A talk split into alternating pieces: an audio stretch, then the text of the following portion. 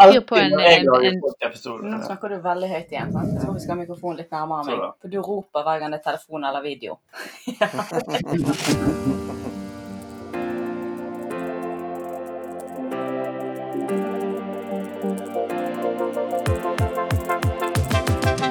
Mammas hjerte er en familiepodkast der en vil samtale og drøfte nære og viktige tema som angår familieliv, parrelasjon, barn og barneoppdragelse. For mer av Mammas hjerte, søk opp på Snapchat, Facebook eller Instagram.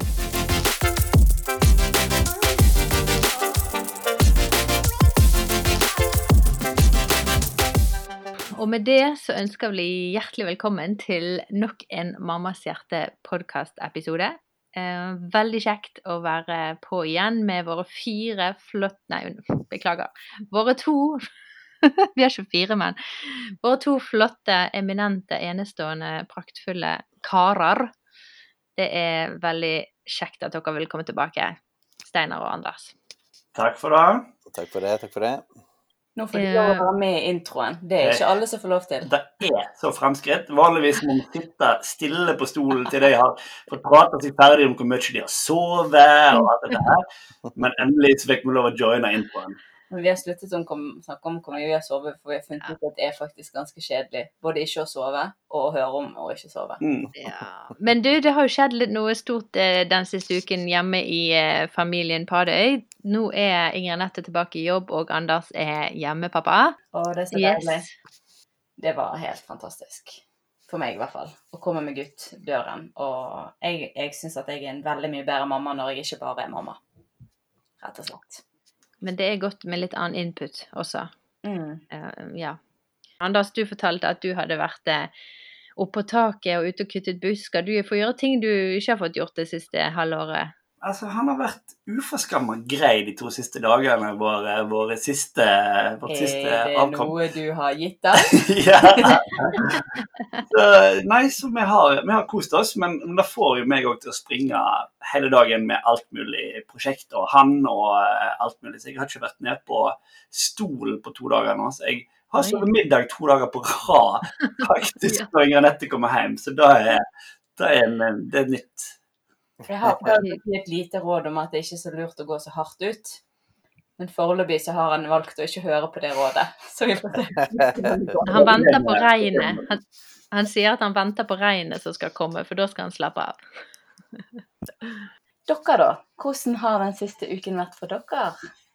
Jo, den har vært god. Vi har det veldig bra. Eh, nå er jo ja, skole og barnehage begynt, og vi får hjemmekontor og arbeidet i fred og ro.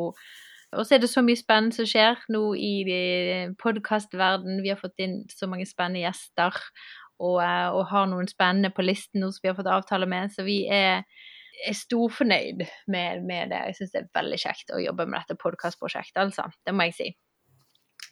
Ja, du har virkelig hanket inn noen gullfugler i det siste. Så det er fine folk, altså. Så det blir spennende fremover. Bare mye å glede seg til. Ingen årsak for meg og Steinar da. Steinar, har du noe å komme med som siste uken?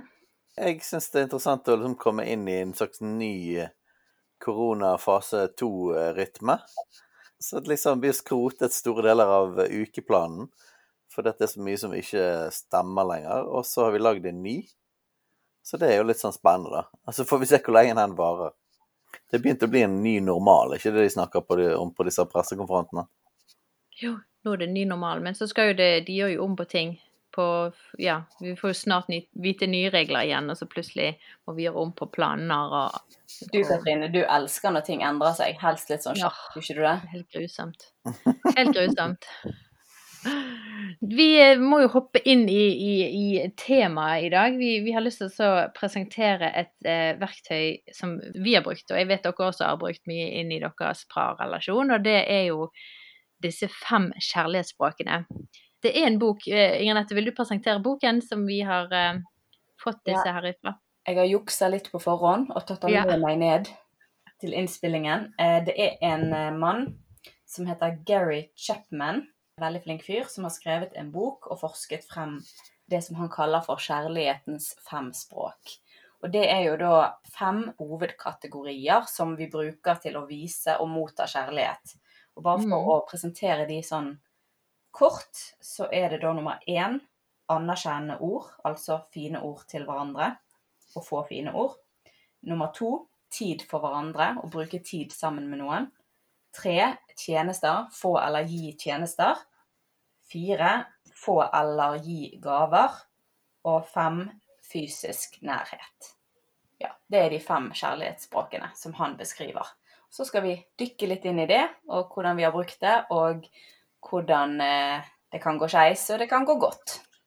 Ja, når man, når man, blir kjent med en ny person, så er jo alt spennende, og, og forelskelsesfølelsen, den, den, snakker jo et litt eget språk, vil jeg si.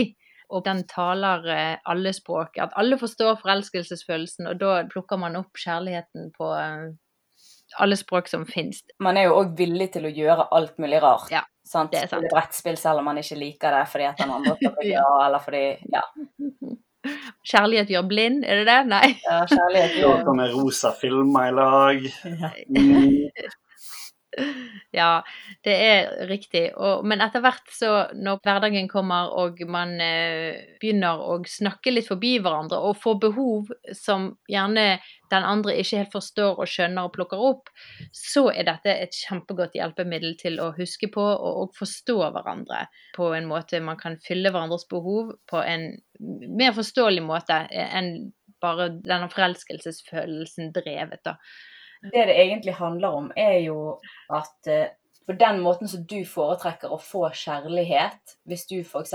føler deg elsket hvis eh, du får en presang, så kan det være at eh, du da vil gi en annen presang, fordi at det er det du ville hatt. Men den personen har kanskje et annet kjærlighetsspråk.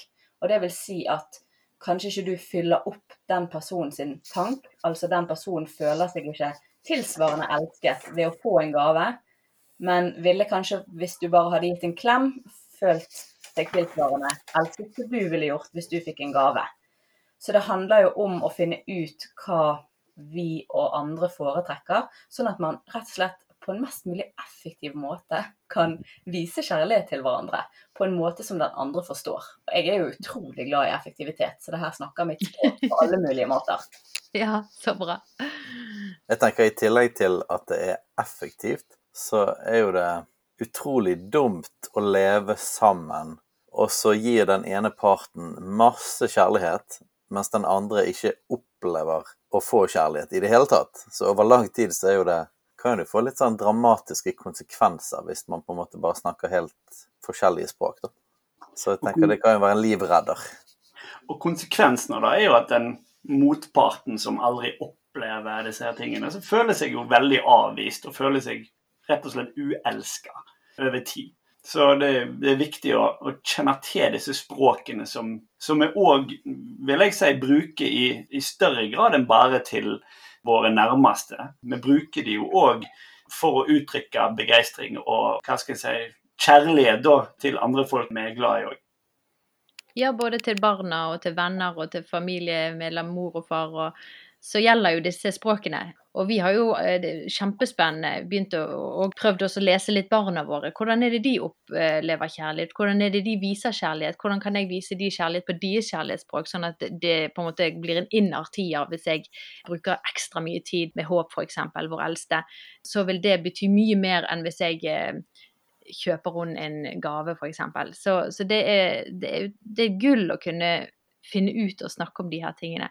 Og så syns jeg du, Steinar, du sa det så bra en gang, dette med at um, ekte kjærlighet er å, å, vise kjærlighet på en måte som den andre forstår kjærlighet på.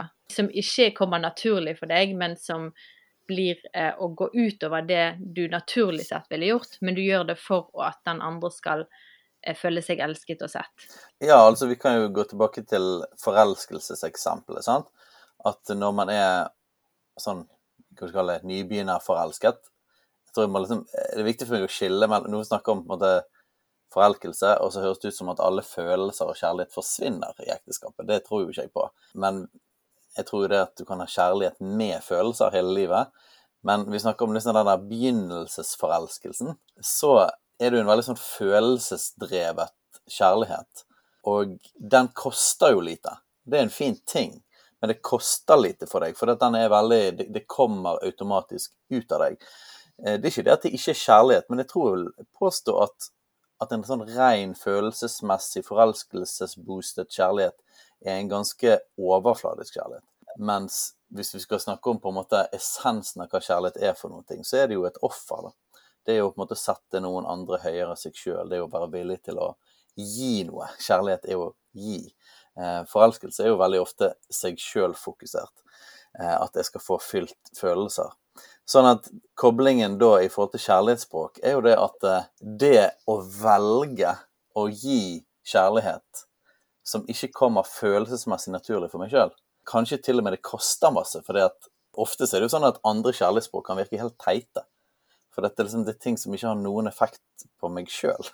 Hvis noen hadde gjort det mot meg, så bare sånn ja, jeg bryr meg ikke i det hele tatt. Og så skal du på en måte bare trene seg da, til å gjøre ting som oppleves og føles helt meningsløst. Og den eneste motivasjonen du har, er rett og slett at den andre skal bli glad. Da begynner mm. vi å snakke om noe dypere form for kjærlighet.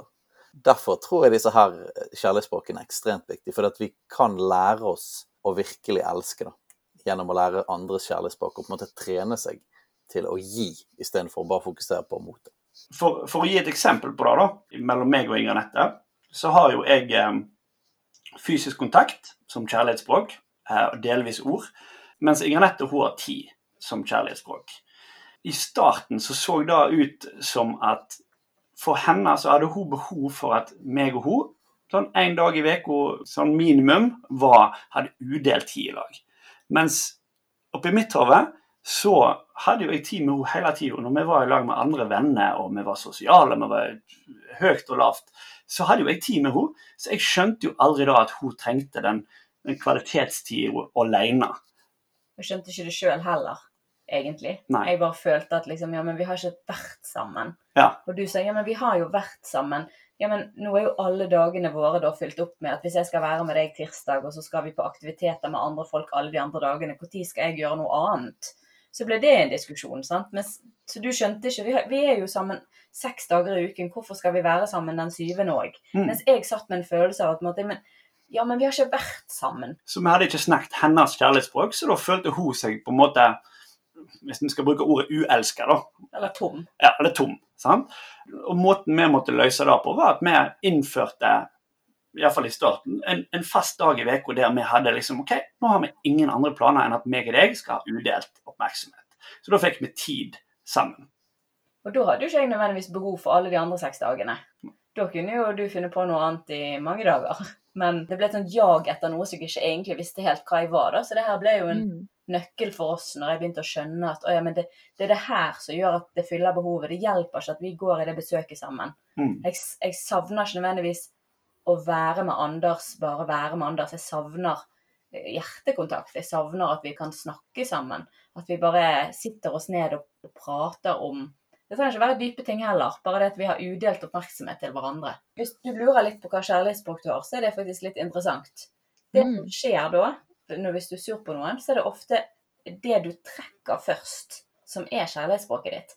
Jeg får lyst til å si sånn Nå gidder jeg ikke sånn, Jeg krangler jo stort sett bare med Anders i livet, da, og ungene, for så vidt. Men, men da blir det sånn at jeg vil lyst til å trekke tilbake tiden min. Nei, da, nå, nå, gidder jeg ikke, nå går jeg ned på kjelleren. Så jeg vil ikke være med deg hvis det skal være sånn som det her. sant? Mens en annen, eller du eksempel, da Jeg har jo eh, sånn fysisk kontakt eh, som kjærlighetsspråk. Jeg er jo en klemmer av dimensjoner sliter big time nå i disse koronatider, by the way. Forrige uke så var jeg med, med bror til Steinar, eh, Vegard, som òg har eh, fysisk kontakt som kjærlighetsfolk. Det var farlig møte. Farlig. Ja, to og vi sto der i døråpningen, og begge to bare så på hverandre med nesten smerte i blikket. Ja. så det er, det, det er, tøft for dere som har fysisk kontakt eh, der ute. Jeg, jeg føler med dere. Men, men hvis men, du blir sint, da? Men hvis du blir sint så er det det siste jeg har lyst til i verden. Jeg på en måte, altså, Når jeg og Granette har krangla, det siste jeg har lyst til, det er å holde rundt henne eller være nær henne. Da har jeg bare lyst til å liksom, Ja, da, trekker jeg meg vekk. Fysisk kontakt.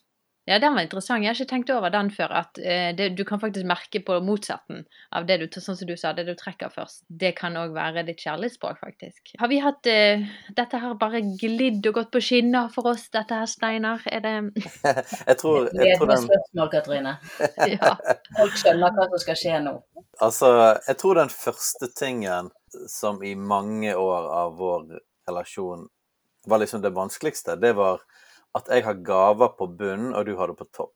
Som gjorde det at du prøvde å vise masse kjærlighet til meg gjennom gaver, og jeg, liksom min respons følelsesmessig har alltid vært at jeg hadde blitt mer glad hvis vi hadde betalt regninger med de pengene, enn at du gir meg de pengene.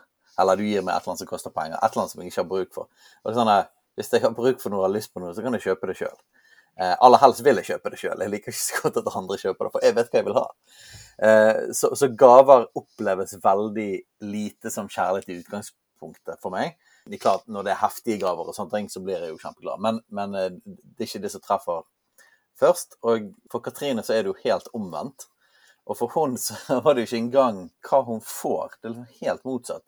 Det var mer kvantitet enn kvalitet, og mer bare greien av å få en gave. da. Og det, det, tok mange år for meg å lære den.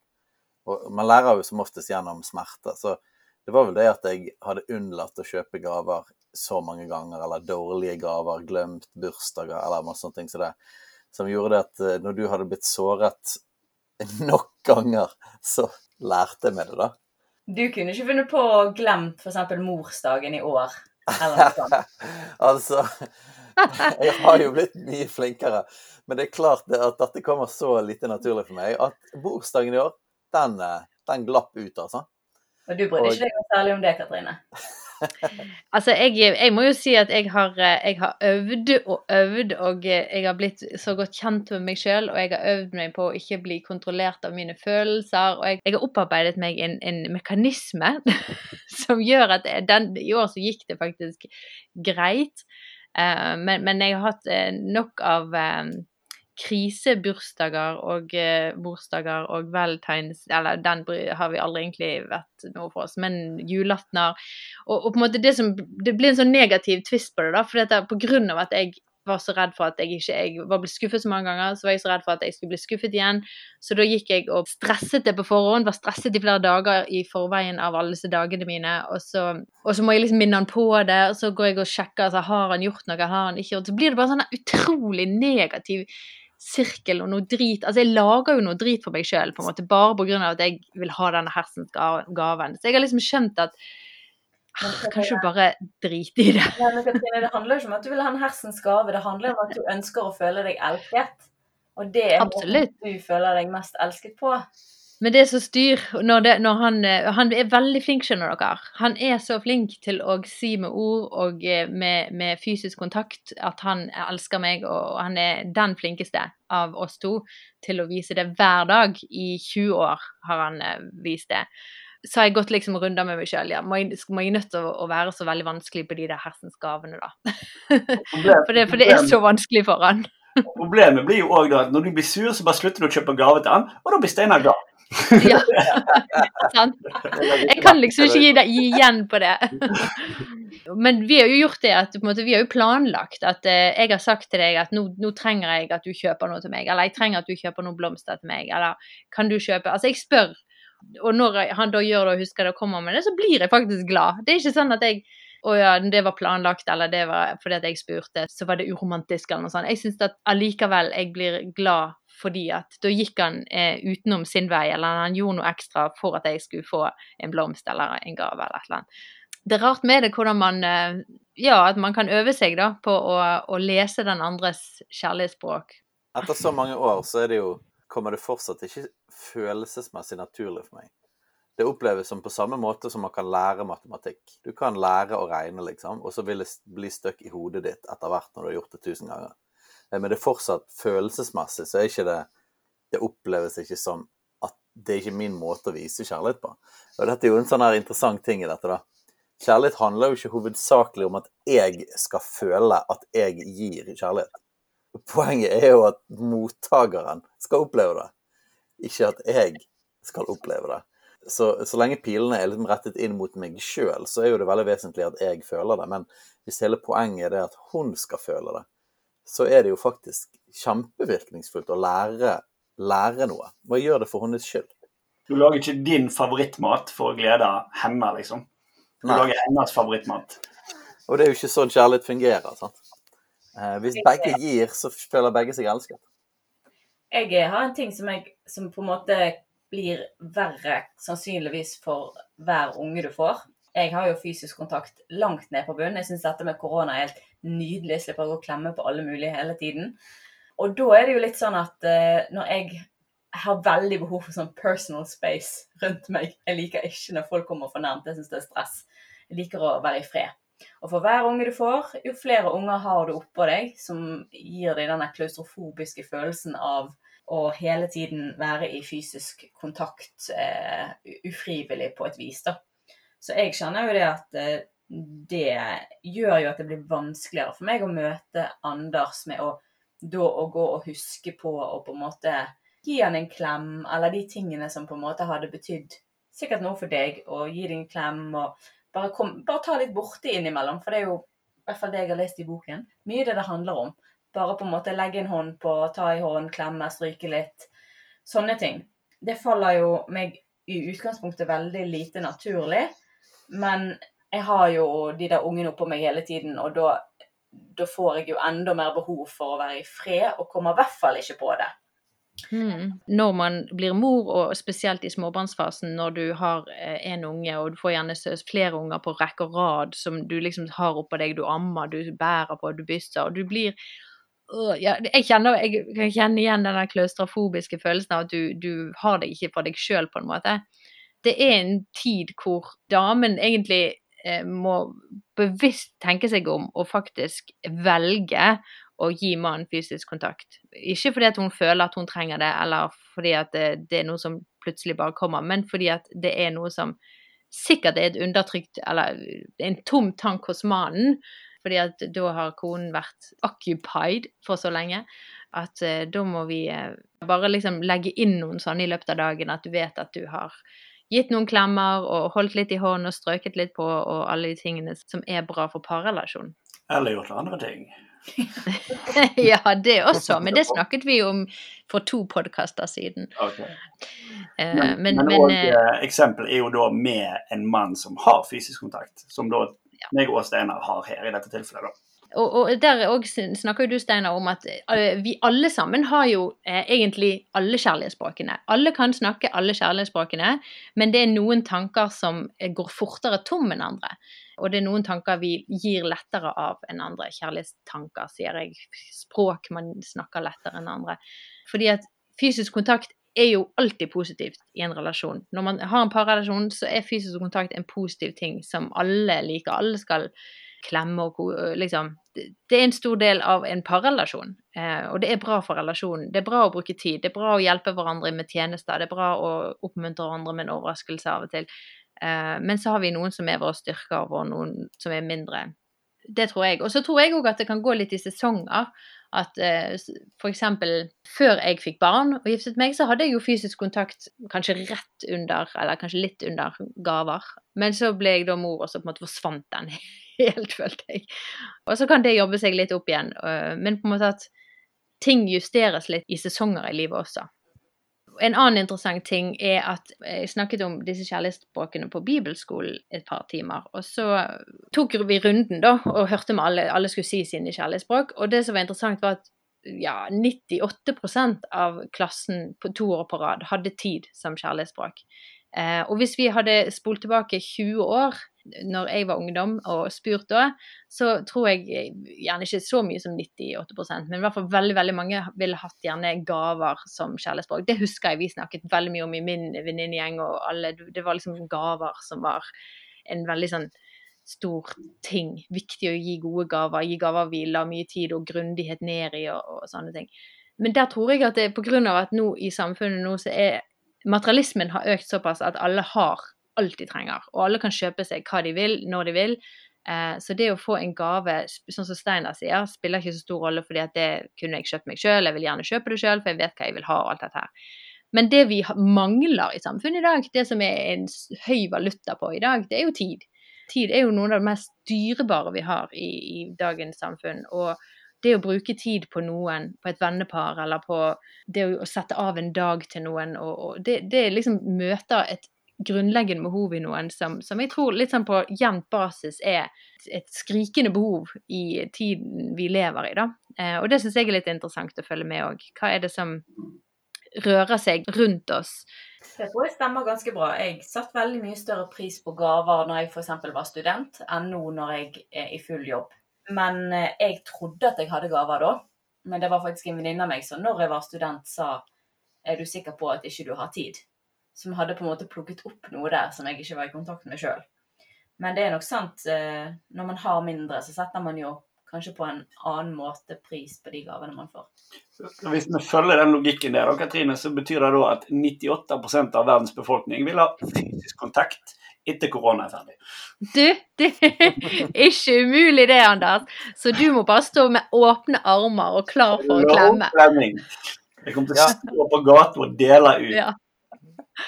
Men det er ikke tull engang. Jeg tror at det vil være en effekt av koronaåpning. At folk eh, har behov for å være anig og nær og borti. og Kanskje ikke folk tør det helt, men, men, jeg tror det vil være et indre behov for det. For jeg føler jo til nå så har egentlig den tiltakene med korona passet den norske befolkningen helt topp. Sånn, Fuglebefolkningen? Ja, sånn ikke for mye kontakt og klemming og være for nær. Ja, du kan sitte inne i kosebukse og se på Netflix. Det er jo helt topp, egentlig.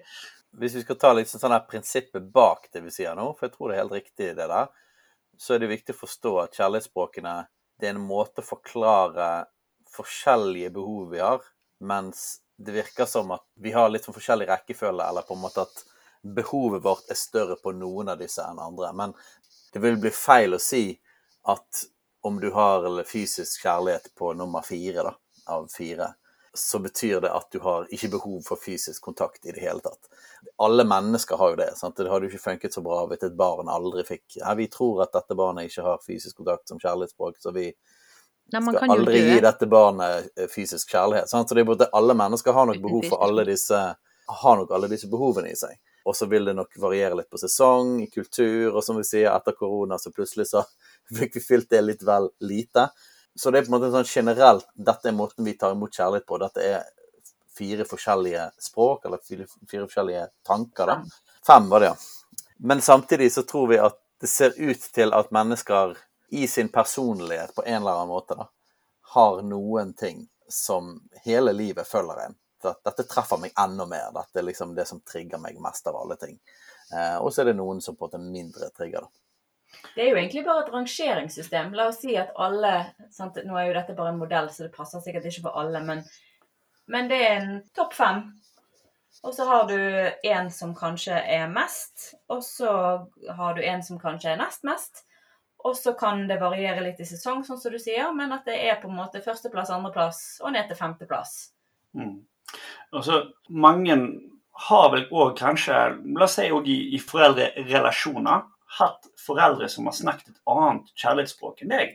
Og så kan det være folk som Du kan, du kan ha gått rundt og, følt at kanskje den ene forelderen ikke har vist deg skikkelig kjærlighet. da. Ja, for han tok deg kanskje aldri opp på fanget eller ga deg aldri fysisk nærhet, og du trengte det.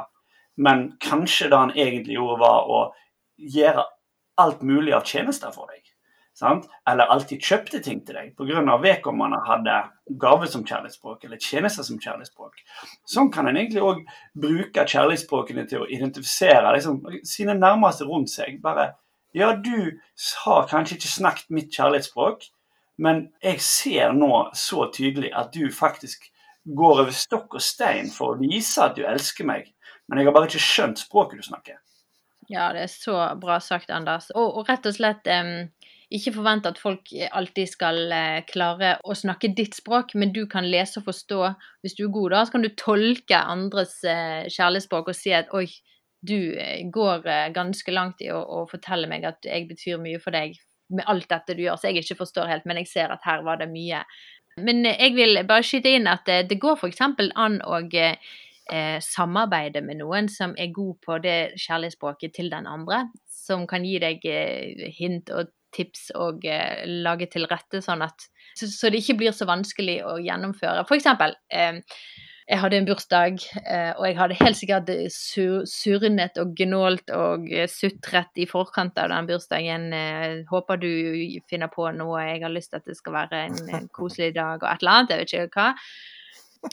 Jeg var ganske sur og grinete, vil jeg tro. Stakkars Steinar. Men så da hadde vi en nabo, en god venn av oss, som Steinar da spurte om råd. Fordi at han er en skikkelig romantiker og eh, var grådig god på akkurat sånne ting som det der. Så du og eh, Morten lagde jo, og det husker jo jeg den dag i dag, fordi at dere gjorde det så spesielt. Dere lagde jo en sånn rebus eller sånn gjennom hele byen, hvor dere hadde liksom lagt blomster inn i en eh, sånn her eh, bagasjeboks på togstasjonen, og så hadde, skulle jeg gå inn på Narvesen, og der hadde dere kjøpt en sjokolade som jeg skulle med en lapp på, og det var liksom Og så gikk jeg videre, og så endte det opp på restaurant, eller det var et eller annet sånn voldsomme greier som, som, gikk rett i fletta på meg av uh, oppmerksomhet og kjærlighet. Så det husker jeg fremdeles. Oi. Ja, det, det, tok lang tid inn i den fortellingen nå før jeg husket dette. Oh, ja. For det har jeg fullstendig Det har du glemt. Understreket. Ja. ja ja. Men det sier jo litt, da. Men det var jo fantastisk at det betydde så mye. Um, og det illustrerer vel egentlig poenget, det òg, at jeg hadde glemt det. Men, men, men, det er ikke så dum idé, da. Det med å alliere seg med noen. Mm. Iallfall til spesielle anledninger.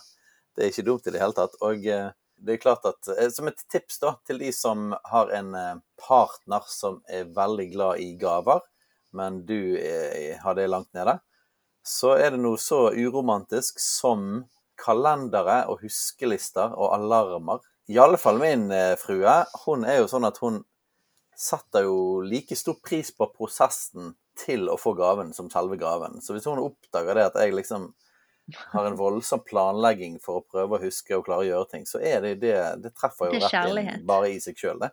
Så det kan virke liksom uromantisk. Men planlegging og ja, for du, du gikk jo lenge i mange år og prøvde å skjule det, og du ble jo så frustrert når, du, når jeg fant det ut, og, og på en måte at du, du, ikke klarte helt å skjule ting og sånn. Men for meg var jo det litt av poenget, da, å vite at her er det noe At jeg kunne slappe litt av i at her skjer det noe, her har jeg noen planer, og her er det Da kan jo jeg bare nyte og kose meg i dagene før og selve dagen, og bare slapp, legge, lene meg tilbake og ta imot men, eh, men, det tok noen år før vi eh, skjønte den. Og i forhold til fysisk kontakt, Steinar, for dette, det har jo vært utfordrende for oss i forhold til eh, hele småbarnsfasen og Det kommer så utrolig naturlig for meg, så det er ikke noe jeg tenker over engang. Så det for meg å gi fysisk kontakt, eller hvis jeg går bort til deg, så blir det nesten som å ta, ta seg fysisk kontakt. Ta seg til rette. ta, ta seg til rette så handler det vel hovedsakelig om at du må ta imot da. Eller du må på en måte det å få ikke bli avvist. Jeg tror ikke jeg forventer eller har det som en tanke engang lenger, at du skal på en måte komme og gi meg fysisk kontakt. Jeg har oppdaget noen ganger, det finnes noen sånne her eh, moments, da, eh, av at uh, hvis jeg lager veldig god mat, så kan du få en sånn kick plutselig. Og da sier jeg alltid, så kommer du, og så klemmer du meg, eller du og så sier jeg 'oi, nå er du glad i meg', sier jeg. Så sier du alltid 'jeg er alltid glad i deg'. Men det, det, betyr, det betyr, jo det at der slo det liksom inn. Oi, da følte jeg det. det ja. Det er sant, det. Når du, når du kokkelerer og tilbereder og ordner og kommer og serverer, da Det trykker på fysisk kontakt-knappen, da. Ja, så jeg vet ikke. Det er vel en tjeneste som trigger ja, fysisk kontakt. Som ja, men det er jo ikke bare en tjeneste, det er jo en slags gave. Du har jo servert henne på en måte ja. gavemåltid. Så du du gir henne gave, og hun gir deg en stor klem. Og så har vi det vi kaller en god sirkel. Oh, oh yeah. Oh, yes. det, er den, det, er den, vi vil leve i, hæ? Men eh, jeg kom på at du, Anders, traff jo Blink skikkelig en gang. Du arrangerte jo sånn bursdagsleir for meg. Mm. Eh, det var jo med mine liksom gode venner. Det var jo helt fantastisk, for da hadde jo alle de satt av en helg til å være med meg rundt bursdagen. I den forbindelse, når du skulle lage bursdagsleir og overraske meg som ikke liker overraskelser, fordi at jeg liker kontroll, jobber med det, ikke helt i mål, så um, hadde jo du knotet det til sånn at vi hadde lagt en annen avtale med noen. Eh, og så det, sa du til meg nå har da noen venninner av meg ringt og lurt på om vi kunne komme ut på hytten deres, der vi da skulle være under bursdagsleiren, med noen sesonger av serien Buffy. Og da sa jeg ja, men nå har jo vi avtale med noen andre. Og da har ikke vi tid til det, så du hadde jo rotet det litt til for deg sjøl, eller de hadde rotet det til, eller hva som helst. Så da var jo jeg allerede liksom veldig negativ til å dra ut på denne hytten, fordi at jeg er en presis person og skulle rekke en annen avtale. Og så ringer disse her og prater og sånn, og så sier Anders nei, men vi kommer, vi. Og vi pleier jo ikke å ha det sånn at den ene bare overstyrer den andre. Så jeg ble jo utrolig irritert av at han bare bestemte at nå skal vi kjøre en halvtime hver vei for å levere noen sånne sesonger som ikke de har bruk for. Da bare overkjørte han meg og sa det. Nei, vi kommer, vi. Og så legger han på telefonen, og så snur han seg til meg, og så sier han hun ble kjempeglad for at vi ville komme med de sesongene. Der jeg kontant bare svarer tilbake igjen. Jeg er nå vel ikke sosialt tilbakestående. Jeg forstår jo at noen blir glad hvis du vil gjøre din tjeneste. Poenget er at vi har en annen avtale som vi skal rekke. Da var jeg pottesur når han da likevel bare tvang meg ut på den der hytten og ja. Og få ut av bil òg når vi var kommet òg. Ja, du kan jo komme, kan bli med opp og hilse på dem da, når vi først er ute. Og hun Nei! Hun satt her og venta! Og pottsur, vet du. Nå er det lenge siden vi har sett dem. Du kan jo i det minste være med ut av bilen. Hun gikk seg opp. Jeg tror jeg måtte være litt sånn bestemt nå og si nå, men nå må du bare høre på meg og bare komme ut av bilen. Altså Sjøl da, etter hun skjønte overraskelsen, og alle sto der, og til og med de vi egentlig skulle på spillekveld med, var jo der. Så trengte hun ja, hun trengte en god halvtime Det en før, halvtime før jeg eh, det ble gøy. Så, Så aldri mer. Nå, nå er det mer sånn ja, jeg har en plan. Ja, det skjer noe. Du får ikke vite detaljene. Og så håper jeg folk som hører på, kan lære av den også. Det er ikke noe poeng å prøve å holde det helt eh, potta tett, for dette de liker overraskelser, de du skal overraske. Meg og deg, Katrine, liker kanskje ikke så godt overraskelser. Eller ikke, jeg liker det i hvert fall ikke. Jeg elsker overraskelser. Så for min Ja. del å bli tatt helt på kornet Og det var jo akkurat derfor jeg gjorde det. Heter ikke det det heter å bli tatt på sengen? Ble tatt på, jeg ble tatt på kornet. tatt på kornet. Å, det er sånn ordtak som jeg liker! Du, nå ga du henne en gave. Um, nå kom jeg ut av det. Eh, Altså, jo, du liker å bli tatt på sengen? Jeg liker å bli tatt på kornet. Jeg, jeg, jeg elsker jo overraskelser. Sant? Og der igjen, tilbake igjen til kjærlighetsspråkene. Du snakker det språket, eller du, du gjør de tingene som du elsker sjøl. Så da eh, prøvde jo jeg alt jeg kunne for å holde alt som en overraskelse til siste nikk. Men du er sikkert ikke så vanskelig å overraske heller, eh, Anders. For dette, du har ikke behov for å ha kontroll over hva som skjer, og du er spontan og alle disse tingene. Så da, og Steinar òg, han aner jo ikke hva som skjer før det skjer. Så for meg, altså jeg kan jo planlegge at vi drar til ja, Hawaii, og uten at han vet om noen ting. Men jeg vet ikke om det betyr noe for deg å bli Jo da, det, det er kjekt. Jeg tror jeg, jeg vet ikke om jeg er like glad på å bli tatt på kornet som Anders. Men Tatt på sengen. Men hvis du hadde tatt den på sengen med blondeutstyr, så hadde det en overraskelse med Ja, det. det- ja, Det det hadde vært en overraskelse. Ja, det ble mer med suspekt både kornet og sengen og hele Det mye rot oi, oi. Oppdaga et sjette kjærlighetsspråk. Overraskelse, rett og slett. Ja. Nei, men jeg tror vi var innom mange gode poenger der. Eh, og håper at dere har fått noen ting som helst ut av denne episoden. Men, men eh, finn ut ditt kjærlighetsspråk, du som lytter på. Det er mange, sikkert veldig mange som eh, vet om sine kjærlighetsspråk allerede. Men ta det med deg. Se, les barna dine. Hvilke kjærlighetsspråk har de? Mennesker rundt deg, hvilke kjærlighetsspråk har de? Eh, det er veldig interessant. Det er veldig hjelpsomt å eh, eh, lære seg kjærlighetsspråkene til de rundt seg. Så um, det er hjemmelekse til neste ukes podkast. jeg aner ikke hva jeg snakker om lenger. Det er alltid gøy å få hjemmelekse når det var Skriv inn til oss hva ditt kjærlighetsspråk er. Nei. OK. Neimen, eh, tusen takk, kjære Anders, kjære Steinar, for at dere ville bruke tid sammen med oss igjen. Ha det!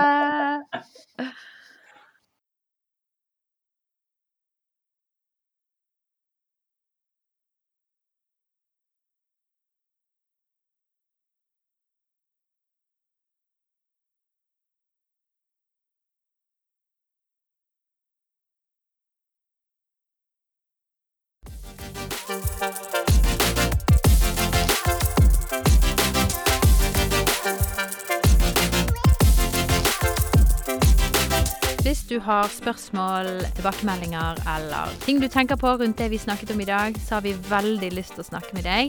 Du kan kontakte oss på Snapchat, Instagram og Facebook. Der svarer vi alle meldinger. Så skriv oss en melding. Vi har veldig lyst til å chatte litt med deg.